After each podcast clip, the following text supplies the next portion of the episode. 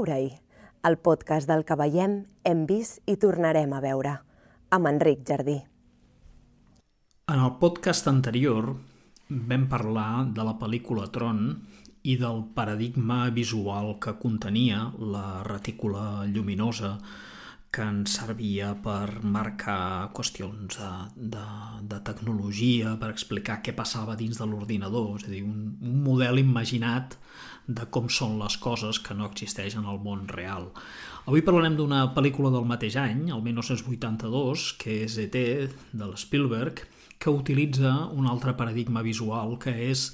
la llum en els éssers vius, la llum dins, els, dins de les formes de vida orgàniques. Mm, eh, la llum és una cosa que, que, que ve de lluny, com veurem, l'ús de, de la llum per, per explicar coses, però en aquest cas no és la primera vegada, és una cosa que es ve, que es ve fent ja des de fa temps en el segle, en el segle XX. E.T. és la pel·lícula que, que podríem dir que consagra, si és que ja no era molt famós, eh, l'Spielberg. Ja és un director que ha fet la, ja ha fet la primera pel·lícula que el va, que el va fer famós, que és, que és la pel·lícula del Tauró, després va fer Close Encounters, que, és, que a Espanya es va dir Encuentros en la tercera fase, després va fer una pel·lícula que va passar una mica desapercebuda, que és 1941, i després ja havia fet també ja l'Indiana Jones abans de fer l'ET, i pràcticament el mateix any fa, fa aquesta, aquesta pel·lícula ET. ET, mm, això, és la pel·lícula una mica que tothom ha vist, que, que s'ha passat centenars de vegades per televisió i que és una pel·lícula absolutament intergeneracional i que explica una història que està relacionada amb l'ús de la llum. ET es fa en un moment eh, en el que eh, la gent d'alguna manera encara creu una mica amb la possibilitat que els extraterrestres existeixin. Avui en dia és una... o que ens puguin visitar, millor dit. Avui en dia aquesta és una idea una mica relacionada amb les conspiracions i, i pensen quatre, però encara en els anys 80 era una cosa que encara molta gent tenia uns certs dubtes de que això pogués existir. I això té a veure també amb la representació o, la, o aquesta idea del, de l'extraterrestre que també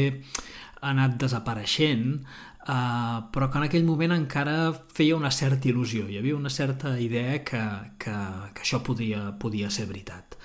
Um, ET, bueno, com que tothom l'ha vist, no faig cap, cap spoiler, és, és, és la visita d'un extraterrestre que accidentalment uh, es queda a la, a la Terra. ET segueix, en essència, l'esquema argumental que el, el, en Jordi Balló i el Xavier Pérez a, la, a aquest gran llibre que es diu La llavor immortal eh, presenten com l'esquema de l'intrus benefactor, és a dir, l'arribada d'un desconegut que ens acabarà redimint, ens acabarà beneficiant, ens portarà una, una, una cosa bona, però és una història que demana un cert desenvolupament. És a dir, en aquest cas, ET um, és un ésser que ve de fora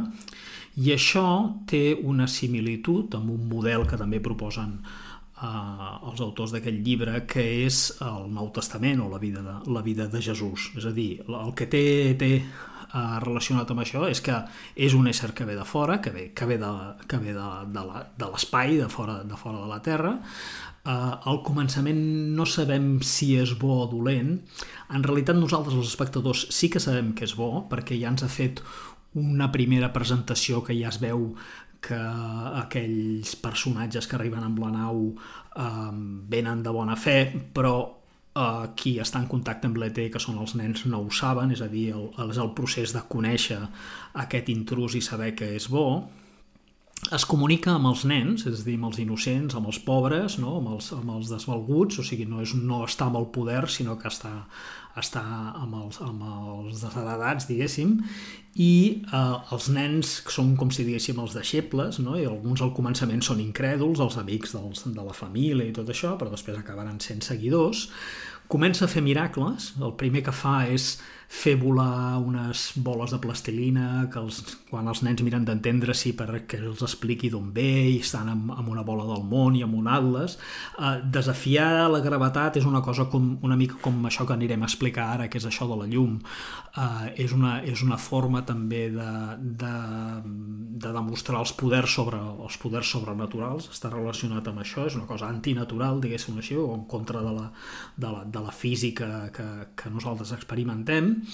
Després farà un altre miracle, que és, que és immediatament que és fer reviure una planta, que tornarà a aparèixer més endavant i se l'endurà a la nau, és a dir, és el miracle, diguéssim, també de, la, de, de fer de ressuscitar els morts. Eh, connecta amb l'Eliot de forma telepàtica amb el, amb, el, amb el nen de la pel·lícula, que, que hi ha com una mena de dues escenes, do, una escena doble que es, que es, es produeix alhora, és a dir, té capacitat de connectar-se amb els, amb els, amb els humans, fa volar les bicicletes, etc etc. És a dir, fa, fa tota una sèrie de, de miracles al llarg, al llarg de la pel·lícula. Després la pel·lícula també té uns dolents, no? que serien els romans, eh, que, que són aquesta, aquest personatges que no sabem si són dolents o no, perquè no sabem si són policies o són científics o si van de bona fe o de mala fe, però que saben que l'ET existeix i que, i que, que el persegueix. Al final mor,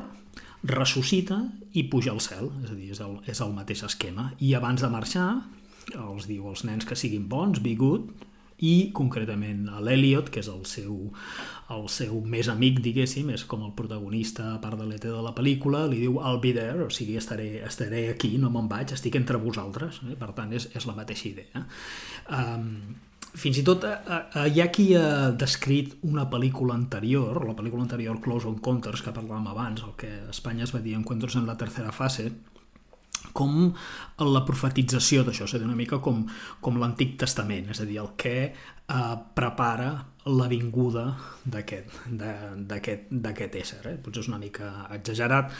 En tot cas, no és que Spielberg eh, ens vulgui enviar un missatge cristià, diguéssim, sinó que en realitat no és, és a dir, es basa en, la, en el mateix esquema, conscient o inconscientment del que està fent i, bueno, és, és casualitat que una de les pel·lícules més taquilleres de la història coincideixi amb el llibre més venut de la història, o sigui, és, una, és, una, és una, una cosa que ens agrada explicar, una cosa que al començament no sabem si anirà bé, però després resulta que és bo i que ens perdona i que ens, i que ens salva. I tot això, per explicar algunes d'aquestes idees, s'utilitza eh, la llum dins de les formes orgàniques. ET és una forma orgànica, és un animal que és una barreja de, de característiques d'una sèrie d'animals terrestres. Té un aspecte que d'entrada pot resultar una mica repulsiu i de fet els productors Uh, van dir a l'Spielberg que això seria un desastre, que ningú li agradaria aquest animal, però al final tothom, tothom n'acaba enamorat. Um, I um, es presenta una mica uh, com algunes de les formes que, han, que han servit per presentar els, els, els extraterrestres quan no han sigut representats a vegades com robots, és a dir, que a vegades els extraterrestres són més aviat metàl·lics o així, però en aquest cas són, són més aviat com, com animals, com animals terrestres. El que, el que té eh, de diferència és que té llum, és a dir, té llum interna, per tant, això ens fa pensar que no és un animal normal, sinó que té una sèrie de, de, de poders. És una cosa que ja veiem al principi. El començament de la pel·lícula no és un spoiler, Uh, és a dir, uh, veiem uh, com aquests arriben, arriben a la Terra, com aquests éssers uh, comencen a explorar, d'alguna manera veiem que són com noms, és a dir, són, són com uns personatges eh, bondadosos que en realitat el que venen és a recollir mostres que no ens invaïran, que no, ens, no, no venen a fer mal um, i això en realitat no és un spoiler i és una cosa que també fa Spielberg amb altres pel·lícules com Jurassic Park. És a dir, en el cas de, en el cas de Jurassic Park al començament ja surten els animals. L'únic que això el que fa és crear que l'espectador sap una mica el que passarà però el que ens interessa és veure com es desenvolupa tot això. Per tant això és el que, és el que ens fa mantenir tota, tota l'atenció el que nosaltres sabem i que els protagonistes de la, de la pel·lícula no, no, no saben. Um, la, la, imatge, la imatge que té el, el, la pel·lícula fora de la, fora de la pantalla, és a dir, la imatge del cartell, de les caràtules de vídeo, les imatges que, que trobem, per una banda, té un, té un logo, eh, que és ET, eh, que d'alguna manera assumim que ho ha fet el mateix ET amb el seu dit, ha escrit el seu nom, està com fet, com si diguéssim fet a mà, i després hi ha dues, hi ha dues, dues imatges que connectem amb aquesta pel·lícula o que, o que relacionem. Un, eh, una és el dit de, el dit de ET tocant el dit, el dit de l'Eliot, que en realitat és com una mena de, de, de versió o de paròdia del, del dit de la, de la capella Sixtina de, de Miquel Àngel. Aquest, aquest és, un, és una imatge que avui en dia no l'acceptaríem. És a dir, no és, és, hem vist tantes vegades parodiat que, aquesta part del, de la capella Sistina que, que semblaria com es, es veuria massa barat. Però que en el seu moment, en els anys 80, quan no hi havia el consum d'imatges que tenim avui en dia, doncs potser no estava tan malament i explicava una mica aquesta idea de un, un ésser superior que ens, que ens visita. L'altra imatge que sí que funciona i que ha acabat una mica més com la imatge icònica de la pel·lícula és aquesta imatge del, del nen volant amb la bicicleta per, per davant de la, de la lluna que després hi ha una segona escena en la pel·lícula que passen davant del sol és a dir, és una, com, com una cosa que es, que es, que es, va, que es va repetint. Um, és interessant veure com, com les, les pel·lícules a més um, eh, ja són en un moment en el que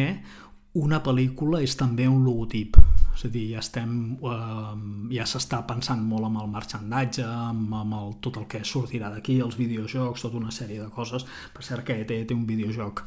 realment que va fer història de, de lo dolent que era perquè en aquella època la tecnologia eh, no permetia recrear massa aquestes coses però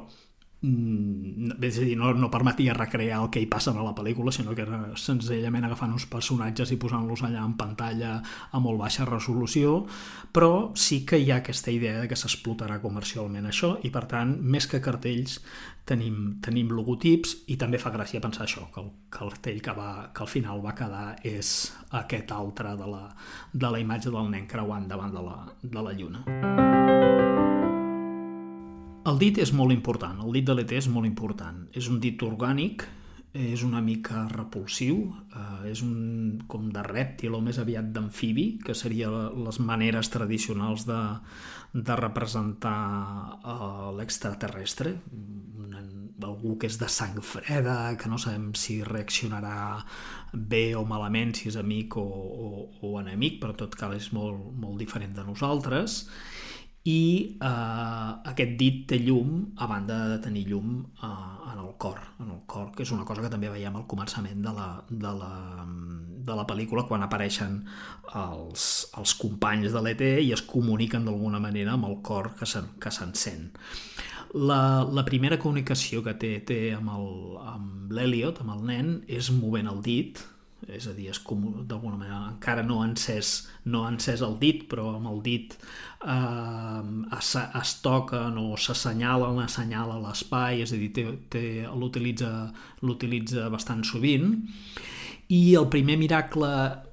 espectacular, diguéssim així, que, que realment veus que allò és, un, uh, és una cosa no només que és capaç de fer volar unes boles de plastilina o tal, sinó que pot fer altres coses, és quan cura l'Eliot, uh, quan estan navegats a dins de, de l'armari, uh, mentre la, a la seva germana li expliquen un conte, la seva germana um, um, la Drew Barrymore eh, eh, és una nena que està, està encara en aquests dos mons, no sap si allò que està veient és, és, una, eh, és important o no és important i, i, i té un paper molt, molt divertit. Ells dos estan amagats a dins de l'armari perquè no volen que la mare vegi, vegi l'ET i es talla accidentalment. Llavors l'ET encén el dit, és a dir, s'encén la llum que hi ha dins i guareix aquesta, aquesta ferida. No? Aquesta llum l'hem vist abans, com dèiem abans, la, la, la llum l'hem vista en el cor de l'ET i, dels, i dels seus companys, eh, la veiem al cor perquè el cor és eh, en la cultura occidental on encara pensem que estan els, els sentiments no? i per tant sabem que aquests animals que són, en realitat són com follets eh, es comuniquen entre ells i després es pot comunicar també amb l'Eliot a través d'aquesta mena, com si diguéssim, d'energia que es troba en el cor. Per tant, el fet de posar la llum a dins, de, a dins del, del cos del, de l'ET, tant en aquest sentit de eh, es comunica emocionalment, així com també aquest dit executor i que cura i que pot fer una sèrie de coses, és el que ens indica que l'ET és orgànic, és a dir, és una mica com nosaltres, és un animal com nosaltres, però és superior a nosaltres i, per tant, té llum. Per poder expressar aquesta idea de la llum necessitem el contrari, necessitem la, la foscor. Uh, E.T. és una pel·lícula bàsicament nocturna, hi ha algunes escenes que passen de dia, però sobretot passa a la nit o sobretot en el trànsit de la, del dia a la nit, que aquesta és una, una constant que ens trobarem en les pel·lícules ja d'extraterrestres, en les pel·lícules de terror, però també en les pel·lícules i en els relats, fins i tot anteriors, abans del cinema, sobre els éssers màgics. Sempre ens, ens els trobem a la transició de la nit al dia, en els passos dels rius, en els boscos, en aquests llocs, diguéssim, que és, és, una, és una, una constant. Necessitem llum també, en aquest cas, per parlar dels dolents. Els dolents, que no sabem si són bons o dolents,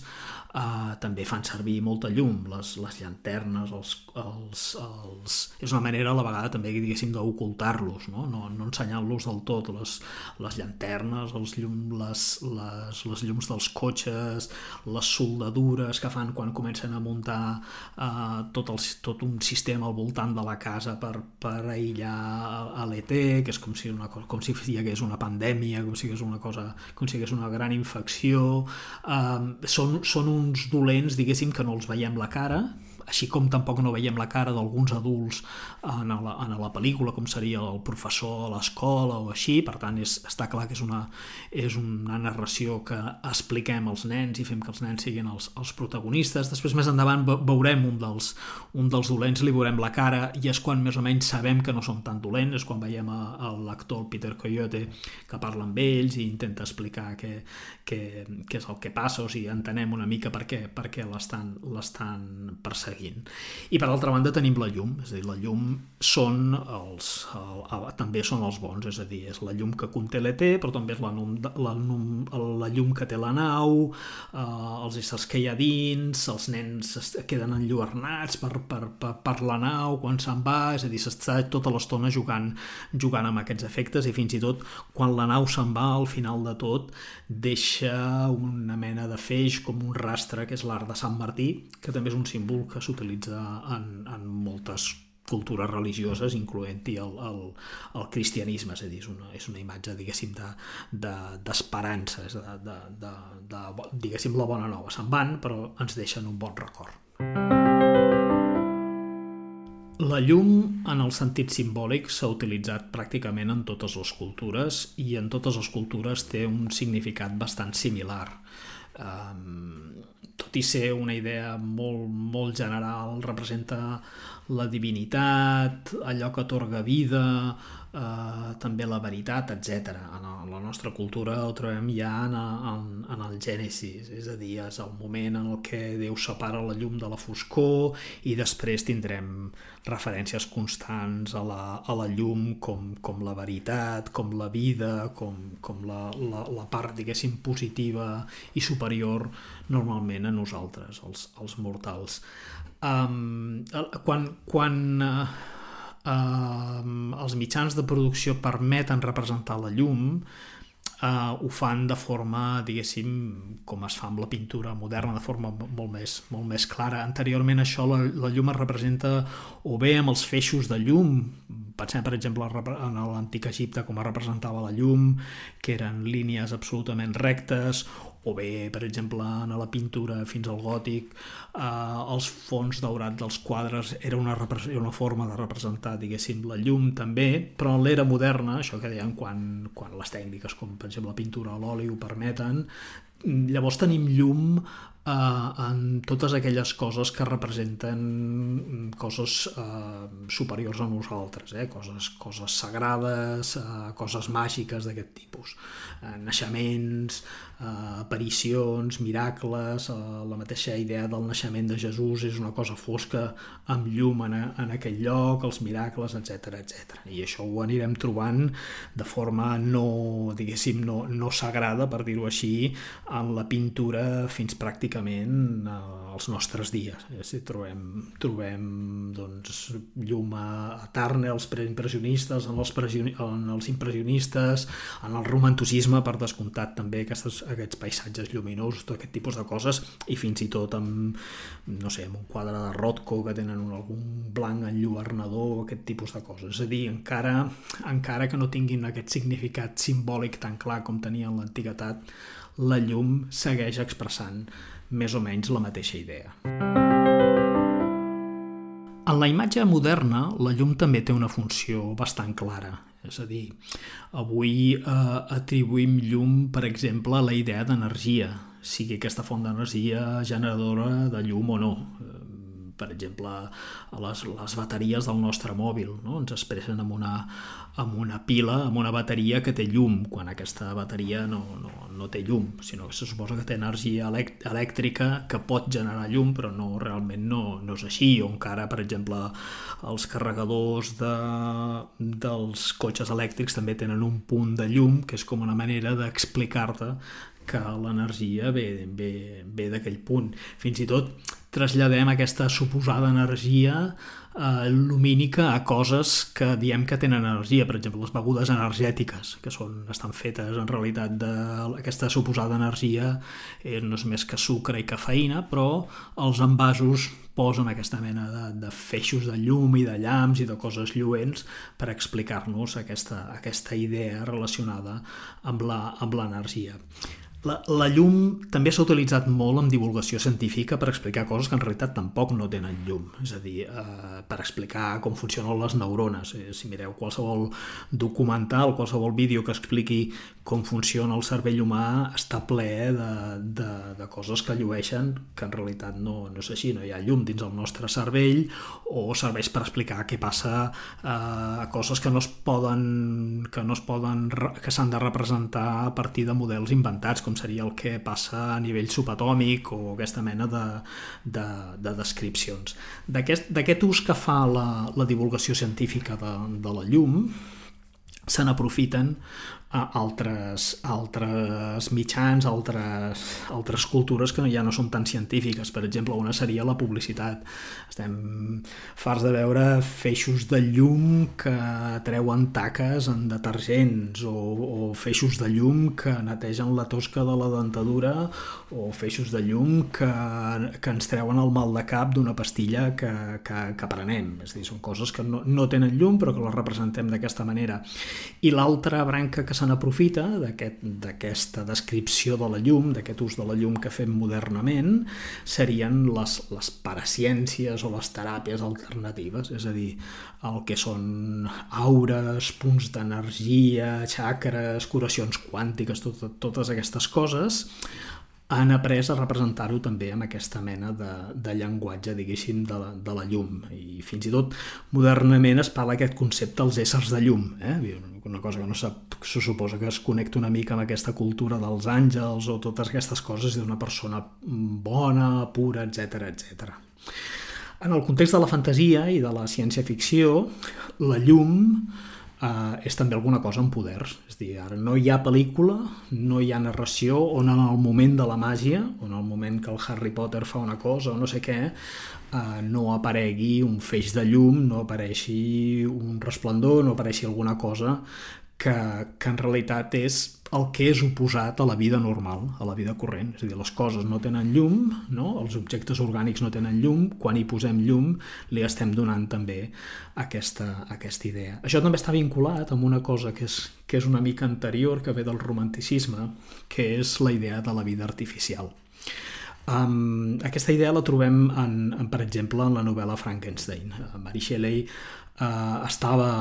al corrent dels, dels experiments de Galvani i, i en aquell moment es feien aquestes coses que s'agafaven uh, cadàvers o parts del, del, del cos d'humans o d'animals s'hi posava electricitat i aquests, uh, diguéssim, re, reaccionaven. No? El, el Frankenstein, quan el veiem en el cinema, veiem que s'activa amb una espurna elèctrica i aquesta idea està relacionada també amb una mica a vegades també amb aquesta idea del vitalisme, no? que hi ha com una mena d'element que no és l'element orgànic que és, el que, ens, que és el que ens dona vida. De fet, el, es diu que el mateix nom de Frankenstein és una referència a Benjamin Franklin, que és un, diguéssim, uh, a banda de totes les altres coses que ha fet, va, va, ser, va investigar sobre electricitat i és aquesta idea una mica del, del científic que experimenta i juga una mica amb la, amb la creació de vida. També la llum pot ser dolenta, eh? també en aquest entorn diguéssim, de la fantasia, de la ciència-ficció, sobretot quan la llum ve de baix, no? quan la llum ve de sota terra, una llum com volcànica, de l'infern, la llum de la kriptonita, la llum d'una cosa que... Sovint una llum verda també, que és una cosa que és una mica com estranya, és el que ens dona aquesta cosa de la llum perillosa o la llum que ens pot, que ens pot arribar a destruir. Per exemple, en els làsers, a les espases làsers de Star Wars tenim les espases bones i les dolentes. Eh? Això queda marcat, diguéssim, també a vegades amb una mena de, de, de codi de color, l'espasa vermella és del dolent, l'altra és la bona i aquestes coses um, juguen, amb, juguen amb una cosa que en realitat nosaltres sabem però que no, però que no, no les diem.